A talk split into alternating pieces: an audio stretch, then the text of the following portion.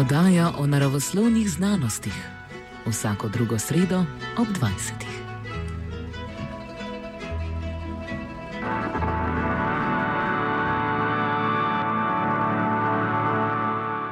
Ali je matematika odkrita ali izumljena?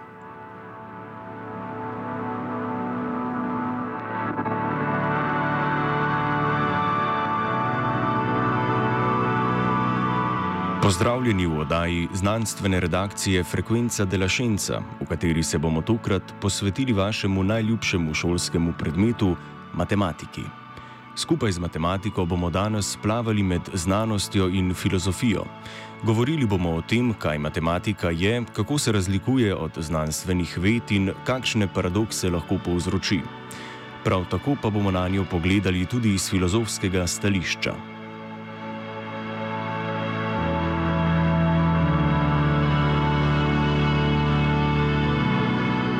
Matematika se skriva povsod okoli nas. Pomaga nam pri razumevanju in razvoju naravoslovnih znanosti, računalništva, ekonomije in še mnogo drugih področji.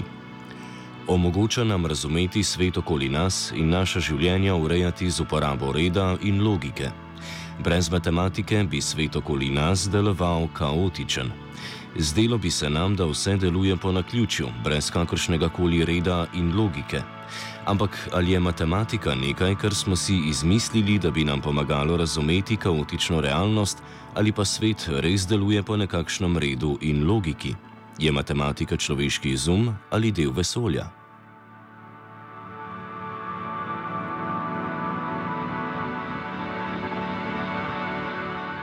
Preden se lotimo vprašanja, ali je matematika izumljena ali odkrita, se moramo najprej vprašati, kaj matematika sploh je. Čeprav si intuitivno predstavljamo, kaj je matematika, natančno definicijo težko najdemo.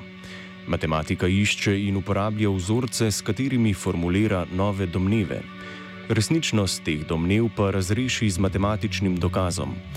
Če so matematični objekti dobri modeli nekega resničnega pojava ali situacije, lahko s pomočjo matematičnega razmišljanja prinese nov pogled in predvidevanja o pojavu. Ključno urodje pri tem pa je uporaba logike in abstrakcije.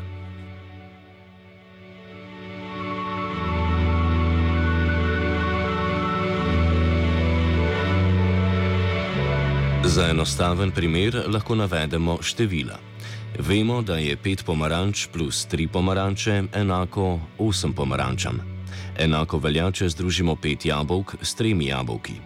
Matematičarka in matematik bosta opazila, da rezultat seštevanja objektov ni odvisen od samih objektov, ampak zgolj od njihove količine. V tem primeru je vrsta sadeža oziroma objekta, ki ga sešteva, nepomembna informacija, saj ne bo vplivala na končni rezultat. 5 plus 3 bo vedno 8, ne glede na to, katere vrste sadeža seštevamo. Zato ju bodo zanimala samo vprašanja in odnosi med števili. Posledica tega pa je, da matematika hitro postane abstraktna. O tem, kaj je matematika, je spregovoril tudi profesor z Fakultete za matematiko in fiziko Univerze v Ljubljani Matjaš Konvalinka. Razumem matematiko pač kot neko, nek način razmišljanja o številih in potem njihovih posplošitvah, o raznih izrekih, ki veljajo, in uh, strogih definicijah, predvsem pa o dokazovanju. No? Se pravi, jaz matematiko razumem pač kot neko vedo. Ker je treba res biti izredno natančen, se pravi, treba je vedeti, kaj so predpostavke, in potem iz teh predpostavk zaporedjem logičnih korakov pride do zaključka.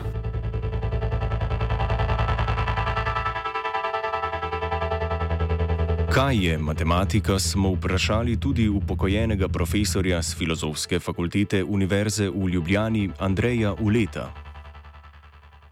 Ja, jaz mislim, da je to uh, matematika, gotovo nauk v formah čistih formah. Te forme so zasnovane operacijsko, na temelju kalkulusa. Ne. Imajo, uh, nimaš samo premic, daljic in tako naprej, ampak imaš operacije, geometrijskimi objekti. Nima samo števil in tako naprej, ampak imaš operacije števil. Tako da moraš oboje imeti. In uh, meni pravzaprav ta pojem operacije izredno fascinira. Zelo veliko sem se ukvarjal z Wittgensteinom, uh, uh, tako zgodnim kot poznim. Zgodni je sploh postavil tezo, eno najbolj fantastičnih tez, da je matematika in logika sta eno, zato izha, izhajate iz skupnega operacijskega jedra, iz tako zvane praoperacije. Ta operacija ima v sebi nekaj logičnega in nekaj matematičnega. Ne. Za oboje izhaja iz. Eh, po eni strani jo zvedeš na pojem posplošene negacije, kar je začetek vseh logičnih operacij in s tem logike po drugi strani pa lahko spe, speleš na pojem posplošene konstrukcije. Je pa začetek števil in celotne, mm, celotne algebra in vsega skrbnometrije. Tako da eh, to, eh, tukaj sem malo bolj Wittgensteinovc in eh, mi je še nekako najbolj bliže. Ne? Eh, mi je ta rekel, skupna operacijska forma, ima nekako jedro tudi matematike, to, to bi meni zelo blizu. Ja.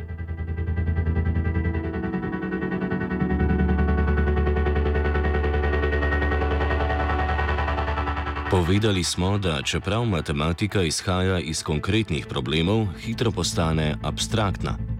Matematiki in matematičarke imajo radi abstraktnost, zato da se lahko posvetijo bistvu problema, nepotrebne informacije pa izločijo. Smiselno se je vprašati, ali lahko matematiko štejemo kot znanstveno vedo. Vsi vemo, da je matematika tesno povezana z drugimi znanstvenimi vedami, kot sta fizika in kemija. Kljub temu je navadno ne uvrščamo med znanstvene vede. Dve bistveni razliki med matematiko in znanostjo sta način pridobivanja novega znanja in njeno dokazovanje.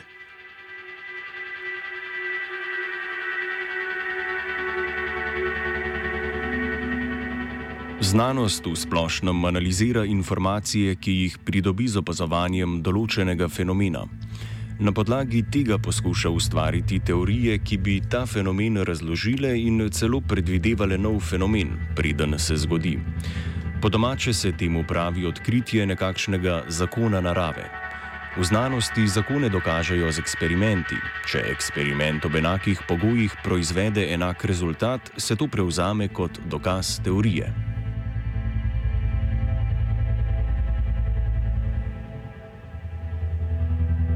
Matematika je v tem vidiku drugačna.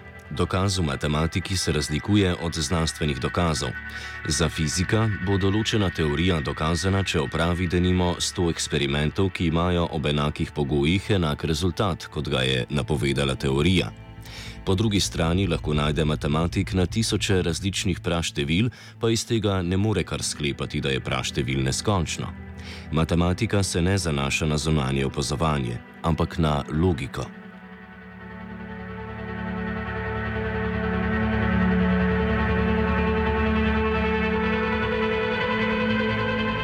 Da bi matematik dokazal, da je praštevil neskončno, mora na podlagi že preverjenih trditev s pomočjo logične argumentacije priti do želenega rezultata. Pomembno se od znanosti razlikuje tudi v tem, da znanost teorije dopolnjuje in zamenjuje z boljšimi. Matematika je v tem pogledu absolutna, kar pomeni, da bo enkrat, ko je neka zveza uveljavljena, vedno resnična. V matematiki ni skritih spremenljivk, ki bi lahko vplivali na rezultat, saj matematik ali matematičarka točno veste, s katerimi predpostavkami se ukvarjata.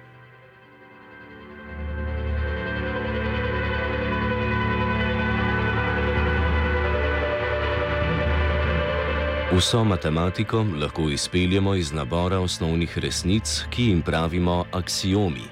Če so axiomi dobro postavljeni, se izognemo tudi paradoksom, ki se v matematiki, če nismo previdni, pojavijo zelo hitro. Več o axiomih in paradoksih boste izvedeli v nadaljevanju oddaje.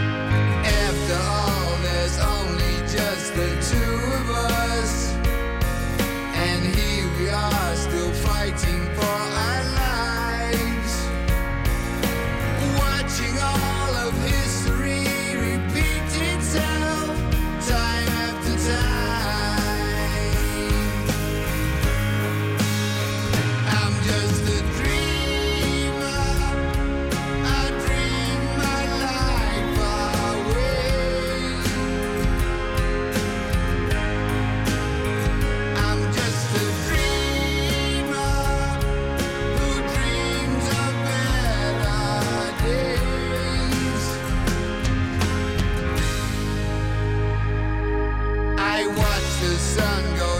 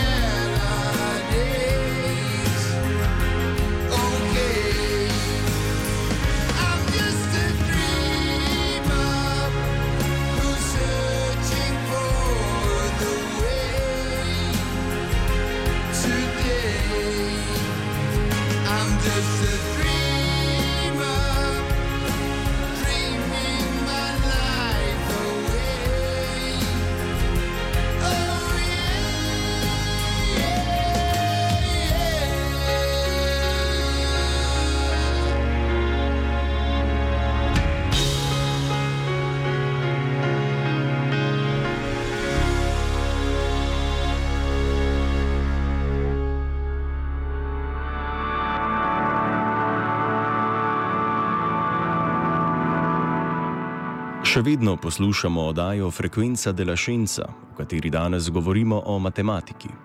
Do sedaj smo govorili o tem, kaj je matematika in jo primerjali z znanstvenimi vedami.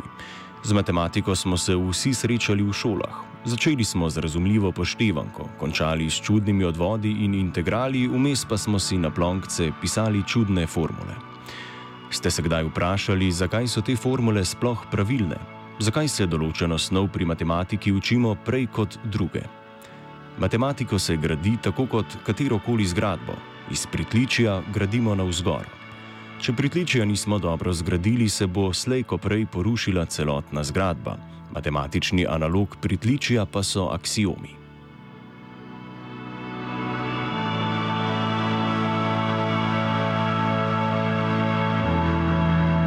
Matematika je nastala iz praktičnih potreb, njene osnove pa izvirajo iz opazovanj.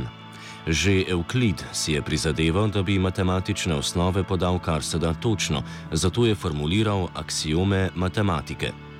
Axiomi so v matematiki najosnovnejše resnice, ki se jih ne dokazuje, ampak prevzame za resnične, saj naj bi bile neposredno jasne. Eden od primerov aksioma ravninske geometrije pravi, da k dani premici obstaja skozi dano točko natanko ena usporednica. Z navedbo aksiomov je želel Evklid razjasniti, katera dejstva moramo privzeti, katera pa lahko iz teh izpeljemo z logiko. Glavno urodje matematika ali matematičarke je uporaba logične argumentacije in ne opazovanje sveta kot pri znanstvenih vedah. Domneva v matematiki je sprejeta za resnično, če in samo če jo lahko s pomočjo logične argumentacije izpeljemo iz aksiomov in že dokazanih trditev.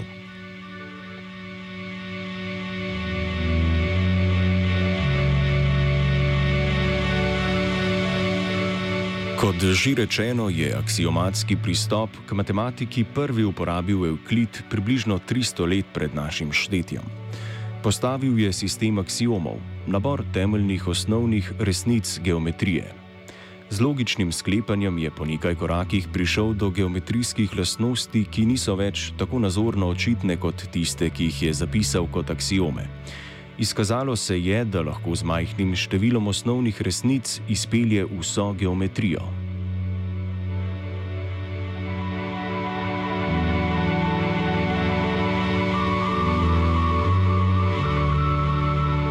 Matematiki in matematičarke so ob koncu 19. stoletja in začetku 20. stoletja hoteli enako kot je storil Euklid z geometrijo, storiti za celotno področje matematike. Formularizirati matematiko kot logičen sistem, ki sledi iz osnovnih resnic, aksiomov. Eden od glavnih razlogov je bila želja, da bi se znebili paradoksov v matematiki. Z besedo paradoks običajno opišemo očitno napačno ali protislovno izjavo, do katere smo prišli samo na vide s korektnim sklepanjem. Poleg tega govorimo o paradoksih tudi, kadar izjava ne vodi v zmoto, temveč pridemo do takšnega notranjega protislovja, ki ga ni mogoče razrešiti. To je paradoks v pravem pomenu besede.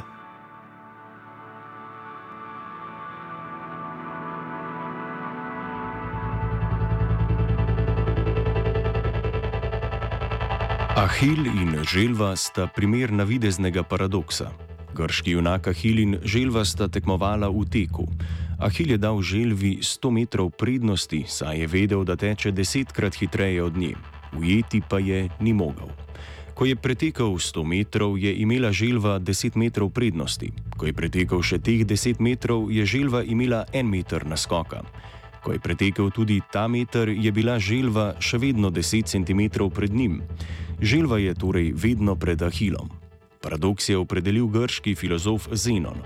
S svojimi paradoksi je zamajal osnove tedanje matematike. Takšne paradokse lahko ovržemo, če se hočemo pri tem izogniti pojmom kot sta limita ali neskončnost, ki ju Grki še niso poznali. Paradoksi so matematike prisilili, da so svojo znanost s pomočjo logike zasnovali na aksiomih.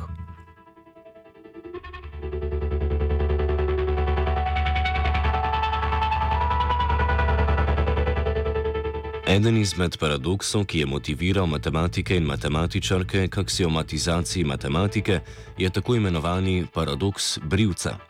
Gre za paradoks iz teorije množic, eno izmed najbolj osnovnih področji matematike. Paradoks je leta 1902 podal angliški matematik in filozof Bertrand Russell in gre takole. Brivec je v izložbo postavil plakat z napisom: Brijem vse moške tega mesta, ki se sami ne brijejo, in samo te. Vprašanje je, kdo brije brivca. Če se brivec brije sam, sodi v množico moških, ki se brijejo sami prav teh pa on ne brije, torej ne brije niti sebe. Če pa se brivec ne brije sam, pripada množici vseh moških, ki se sami ne brijejo. Njegov glas tedaj zagovarja, da on brije vse te moške, torej tudi sebe.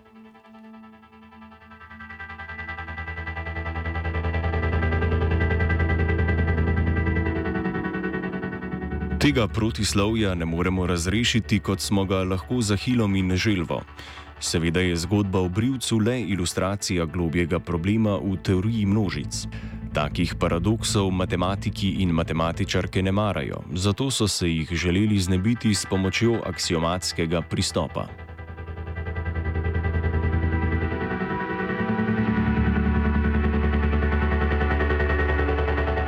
Po glasbenem premoru bomo skupaj z matematiko zaplavali v filozofske vode. Ostanite z nami na 89,3 MHz.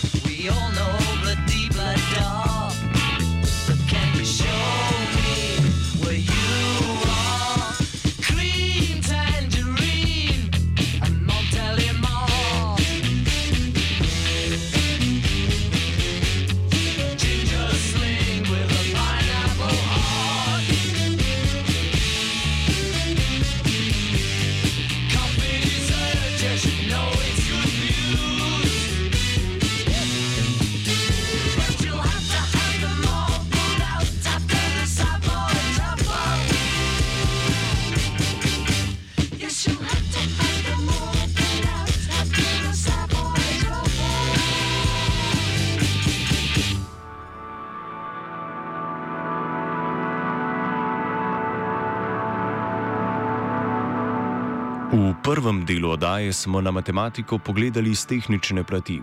Govorili smo o tem, kaj je, kako deluje in v čem se pravzaprav razlikuje od ostalih znanstvenih ved. Na koncu pa smo razpravljali še o paradoksih in njihovi motivaciji razvoja matematike. V drugem delu oddaje bomo govorili o neuradni delitvi matematike na teoretično in uporabno, prav tako pa bomo na njo pogledali z filozofskega stališča.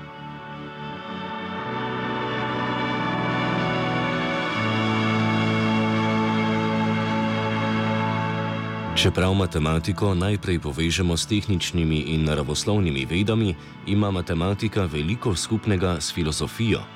Najbolj očitno stičišče obeh ved je logika. Mnogi problemi so bili torej zanimivi tako matematikom kot filozofom. Enega takšnih primerov smo v današnji oddaji že omenili, to je paradoks o Ahilu in Želvi. Dodajmo še Paskala, Dekarja in tudi Platona, ki je napisal veliko o filozofiji matematike. Več o tem, kaj imata skupnega matematika in filozofija, je povedal upokojeni profesor z filozofske fakultete Andrej Ule. V bistvu vse in nič, če sem zelo na kratko. Ne. V bistvu se ukvarjate z, na nek način s poslednjo stvarnostjo, oziroma s tem, kar, kar je sploh stvarno, vsaka na svoj način. Ne. Ne, filozofija poskuša z mislijo dojeti bistvo, matematika pa poskuša vrhunsko formo ujeti. Forma je pa pravzaprav um, tako. Vsaka stvar, ki je, mora imeti eh, obliko in substanco. Prosto pa je Aristotelo in ujeti najvišjo formo na nek način je ujeti to, kar je. Ampak na drug način to lovi tudi filozofija. Ne? Ne, s, in s tem, da matematika najvišjo formo spravi v operacije, v operacije s formami, ne v račun, v kalkulus. Ne. Filozofija pa se skuša držati misli same, ne, je pa najvišja forma, hkrati najvišji smisel. Ne. To smo se lahko z mislijo dojavili. To, to sta si, se pa stvarno pripletate med sabo. Ne, in, tudi če so stara matematika od Pitagora dalje, pa nova matematika pravi, če je matematične forme, no, konca razmislimo, nam ostane samo matematična misel. Je nekaj, kar se ne da ne zapisati, ne zarisati, ne, ne če da samo misliti. Kot da smo si zelo blizu. Ja.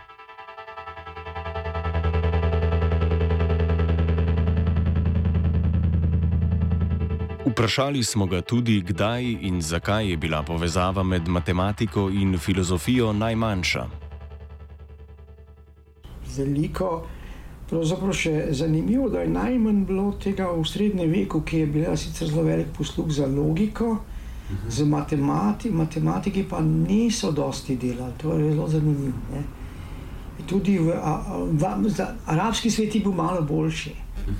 Vse beseda algebra je pravzaprav arabskega izvora in oni tam so i filozofi in logiki se ukvarjajo tudi z matematiko. Ne? E, medtem ko v Evropi je pa prišlo do neke luknje. Ne? Ne? E, in pol še v dobi renesanse se je začelo spet to povezovati. Ne? E, tako da pa je pa stvar preko stekla, zmeraj bolj, ne? to, da so si vodilni filozofi zelo veliko ne sposojajo, pa špikirajo na matematiko, pa tudi obratno. Ne. Ehm, pravzaprav je zadnji večji filozof, klasičen, ki je to delal, na dva, na dva sta bila, pravzaprav je Kant, pa Husserl. Ne. Uh mhm. -huh. ne.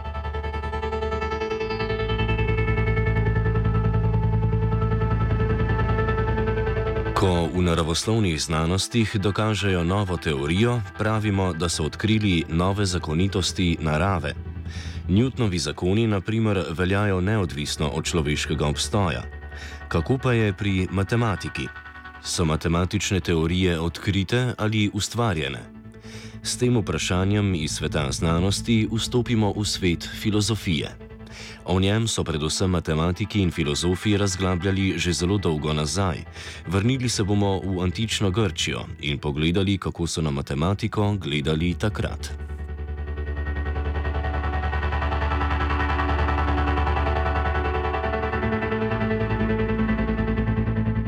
Pitagorejci, ki so živeli v petem stoletju pred našim štetjem, so menili, da so številke žive entitete in univerzalna načela. Število ena so imenovali monad, generator vseh števil in izvor vsega stvarjenja. Starogrški filozof Platon je zagovarjal, da so matematični koncepti konkretni in prav tako resnični kot samo vesolje, ne glede na naše znanje o njih. Evklid, ki je znan kot oče geometrije, pa je verjel, da je narava manifestacija matematičnih zakonitosti. Več o tem, kako sta na matematiko gledala starogrška filozofa Platon in Aristotel, je povedal Andrej Ule. Ja, zdaj je tukaj Pitagorejci, so tukaj pomembni. Ne? Ker Platon je pravzaprav nove vrste Pitagorejc, zelo grobo rečeno, ampak je v bistvu osnova pitagorejska doktrina katerem je vse svet zgrajen matematično in razumeti matematične forme, pomeni razumeti svet. Ne?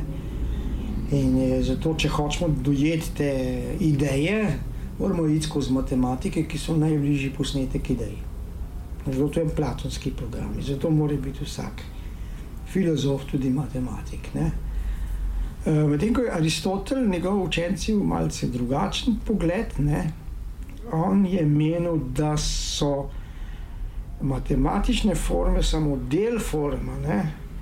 Da čiste, eh, tiste forme absolutnega niso več matematične, ampak se samo miselno dojamejo. Ne? Morda preko logike, ampak vsekakor preko misli. Ne? In on ni več toliko poudarjal matematike, to je v bistvu sicer koristno orodje, ni pa več nujno potrebno, aristotelsko gledano. Se moče to je tudi vplivalo na srednji vek, ki so se zelo na Aristotela opirali. Uh -huh. Aristotel pa ni veliko dal na matematiko, in tudi Aristotelci ne. ne.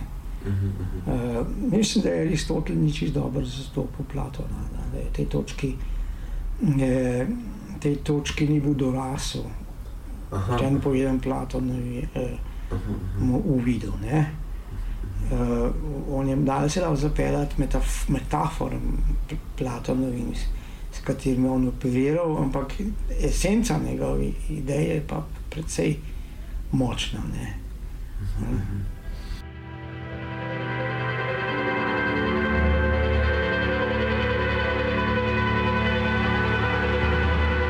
Veliko drugih pa je bilo in je še danes mnenja, da je večina matematičnih konceptov in izrekov, razen morda števil, izum človeka. Menijo, da je njihova resnična vrednost odvisna od pravil oziroma aksijomov, ki se jih je spomnil človek. Ta vidik gleda na matematiko kot izumljeno logično vajo, ki ne obstaja zunaj človeške zavesti.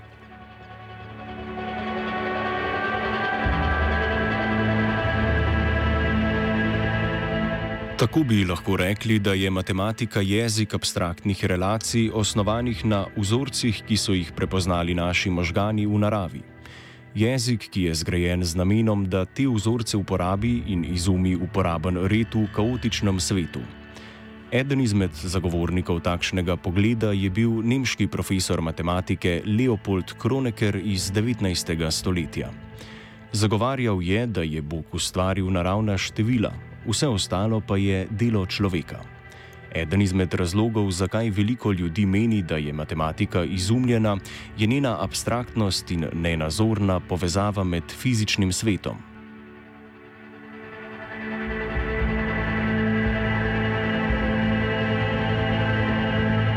Tu je vredno omeniti, da neformalno matematiko delimo na teoretično in uporabno.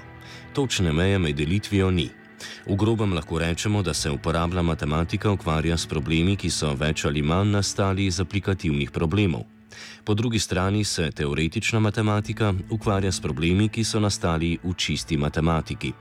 Za primer lahko navedemo področje matematike, ki se ukvarja s parcialnimi diferencialnimi enačbami.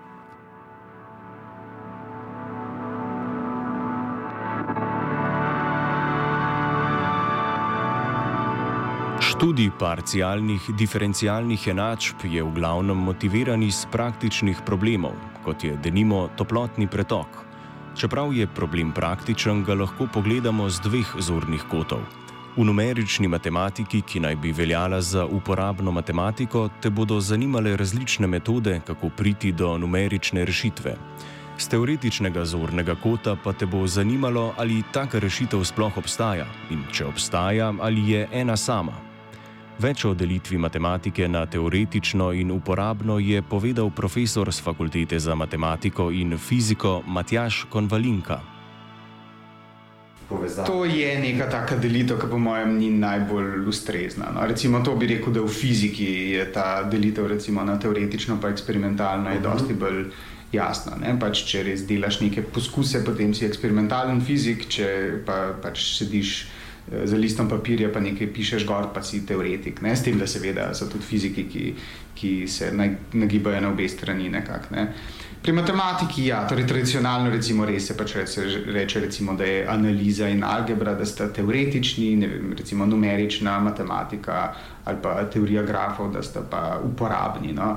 S tem, da jaz bi tako rekel, no, v resnici. Večina matematike, kot jo delamo, ne samo na naši fakulteti, ampak tudi drugot, uh, je v resnici teoretične. No?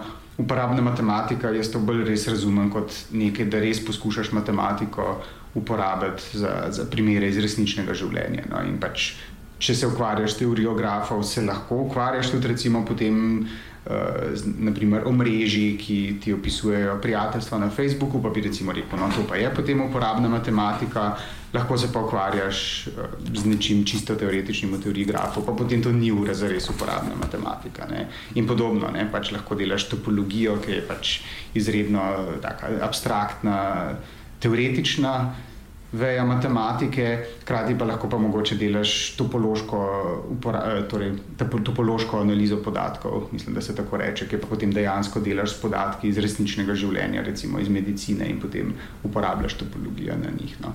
Tako da bi rekel, ja, no, lahko rečemo, da obstajata teoretična in uporabna, se pa potem uh, ta izraza, po mojem mnenju, ne uporabljata najbolj primerno v, v praksi. No.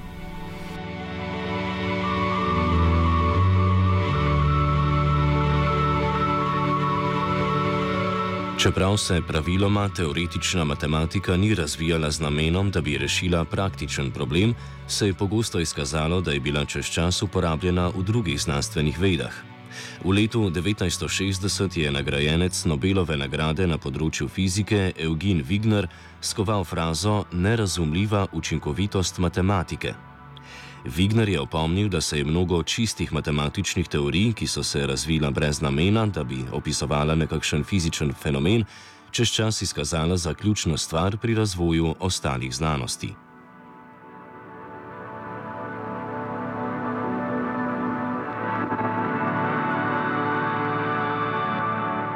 Eden izmed primerov sprva neočitne uporabnosti matematike je britanski matematik Gottfried Hardy iz 20. stoletja. Sam je trdil, da njegovo delo ne bo nikoli koristilo drugim znanostim, a se je izkazalo, da se je motil. Njegovo delo z področja teorije števil je pomagalo ustanoviti kriptografijo, Kriptografija je veda o matematičnih tehnikah za dosego informacijske varnosti, kot je zaupnost, celovitost podatkov in preverjanje identitete in podatkov. Še večji časovni preskok je doživela matematična teorija vozlov, ki se je začela razvijati leta 1771. Uporabljena je bila približno 200 let kasneje v 20. stoletju, da bi razložila, kako se DNA razpleta med repliciranjem.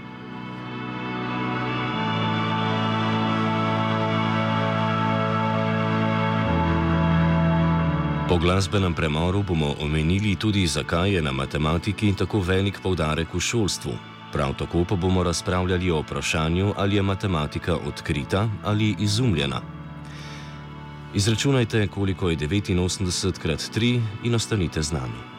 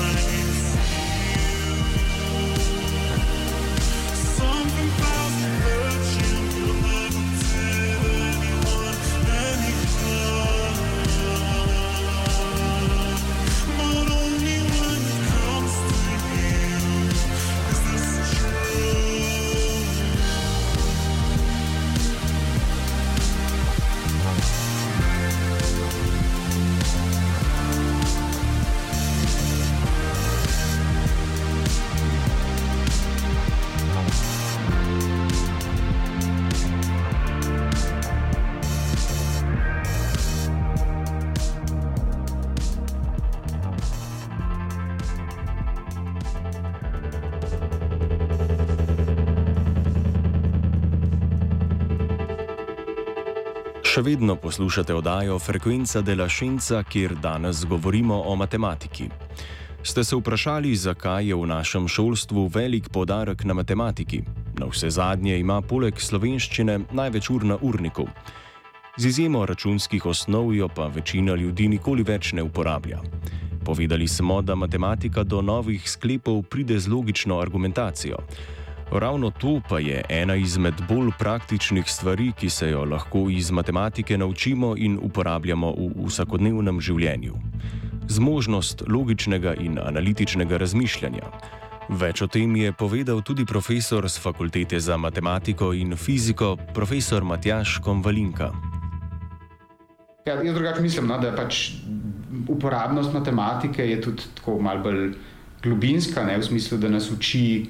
Eh, kako razmišljati o vseh stvarih. Recimo, kar je v matematiki pomembno, je, ne, da res natančno definiraš pojme, preden jih uporabiš. Ne. In to je nekaj, čemu bi morali stremeti tudi drugot. Ne. Se pravi, pač, recimo, če imamo pogovor o neki politični temi ali pa eh, o vremenu ali pa o čemkoli drugem, ne, je pač pomembno, da se res zavedamo, da uh, moramo, mora biti vse stvari, o katerih govorimo, nekako dobro definirane. Ne. Seveda v življenju je mogoče težko nekaj za res dobro definirati, ne, ampak pač stremimo k temu, da bi pač to čim bolj definirali. Ne. Potem, kar nas uči matematika, je ne, torej res, da je treba logično sklepati, ne, se pravi, da moramo. Da se moramo zavedati, da smo imeli neke predpostavke in da potem na podlagi teh predpostavk in pač nekih osnovnih logičnih zakonov potem pridemo do novih uh, do, do zaključkov. To je prav gotovo nekaj, kar, kar bi nam koristilo v vsakdanjem življenju, če bi, če bi se to več uporabljalo, ne? tako pri političnih temah kot drugod. Uh, potem tudi recimo, ena pomembna stvar, recimo, ki se mi zdi, da jo matematika uči, ne, je, da je treba recimo, verjetnostno razmišljati. Jaz recimo, tega pogrešam več v, v, pri ljudeh, ne, da bi se zavedali, da pač prihodnost je negotova, Edino, kar lahko rečemo, je, da pač ne vemo, kaj se bo zgodilo, da pa lahko poskušamo oceniti, kakšne so verjetnosti posameznih dogodkov. Ne. Se pravi, da moramo tako gledati na svet, ne, da je prihodnost negotova, mi poskušamo izračunati verjetnosti, oceniti verjetnosti in predvsem ravnati tako, da bomo te verjetnosti pač zmanjšali, če so slabi dogodki, in povečali, če bodo dobri dogodki. Ne. Torej, recimo, ne, pač ne vemo, jaz ne vem, ali bom danes popoldne povzročil prometno nesrečo, ne, ampak pač moram narediti vse, da bo ta verjetnost čim manjša. Torej, zavedati se moramo tveganj, jih poskušati zmanjšati in tako naprej. No. Nadaljeval je. Ja, jaz vsekakor podpiram to, ne, da je matematika tako. Pomembna v recimo, šoli, v osnovni in srednji šoli, ne, da se uči toliko matematike. Ne. Torej, ja, ne samo zato, da nam da te računske spretnosti, ki jih seveda tudi potrebujemo, ne, torej, da, da znamo zračunati, kaj to pomeni, da bo 30-odstotni popust na neki stvari, ne, uh, ampak tudi, da nas nauči logičnega razmišljanja in tudi no, to, kar sem prej govoril, ne, da nas uči tega verjetnostnega razmisleka, ne, se pravi, da na mesto, da trdimo, da se bo nekaj zgodilo ali pa se ne bo zgodilo, da se zavedamo, da se ne more vedeti, da se bo zgodilo ali ne, ne da lahko samo o verjetnosti govorimo.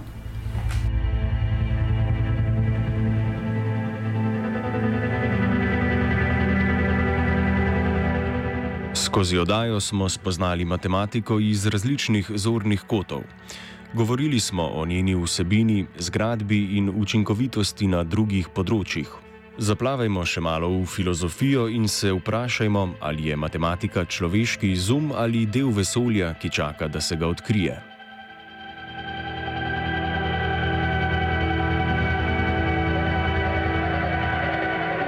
Predstavili bomo tri odgovore. Prvi zagovarja, da je razlog, zakaj je matematika naravni jezik znanosti, to, da je vesolje podkrepljeno z enakim redom in logiko kot matematika. Če bi vesolje jutri izginilo, bi naše matematične resnice še vedno obstajale. Na nas pa je, da matematiko in njeno delovanje odkrijemo, saj nam bo to dalo moč razumevanja in predvidevanja različnih fizičnih fenomenov. Takemu pogledu bi lahko ohlapno rekli matematični platonizem.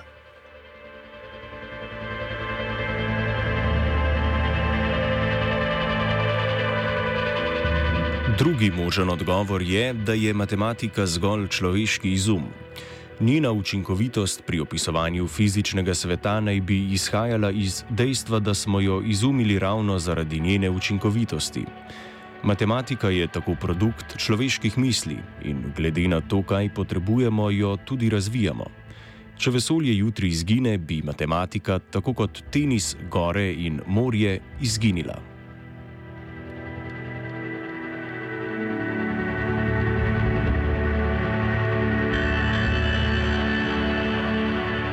Tretji možen odgovor, ki je verjetno našim možganom tudi najbolj ljub, pa je, da nima veze. Kar ima veze, so njeni rezultati, filozofijo pa pustimo filozofom. Takemu pogledu pravimo: ne razmišljaj preveč.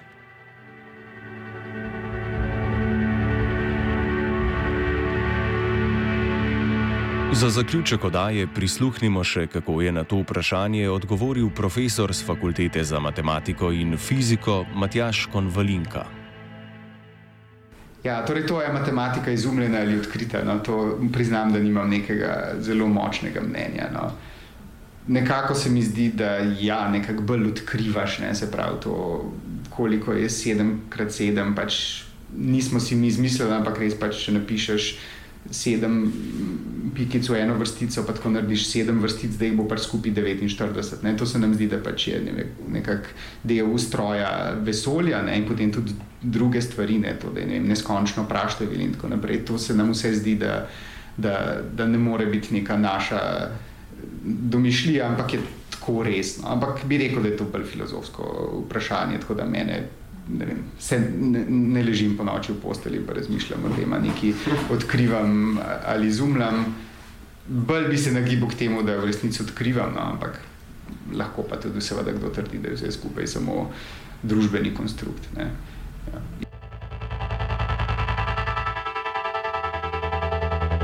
Vprašali smo tudi upokojenega profesorja z filozofske fakultete Andreja Uleta.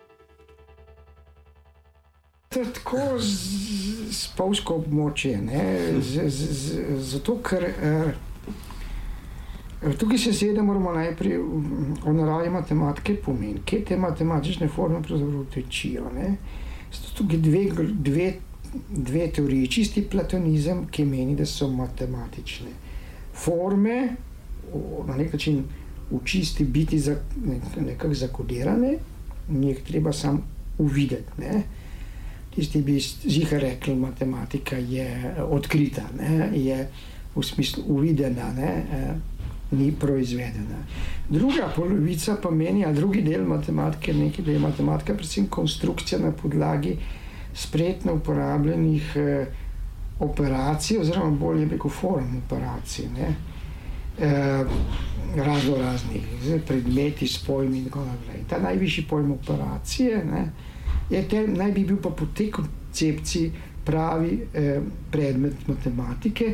Tukaj je pa večji del matematika konstrukcija, spretna konstrukcija. Ne.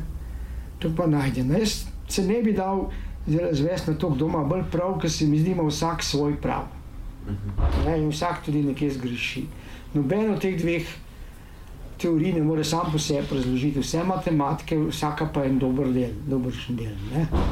Eh, tako da se mi zdi, da računalništvo živi od te konstrukcionistične variante, medtem ko ta inovativna matematika, ki proizvede nove abstrakcije, pa je, je ta bolj platonska, živi od uvidov.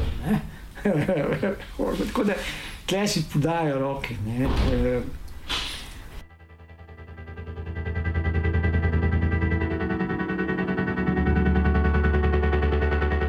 O resničnosti matematike premišljuje Jon, brala sva Biga in Juž. Urednikoval je Sebastian, tehniciral pa Seliškar.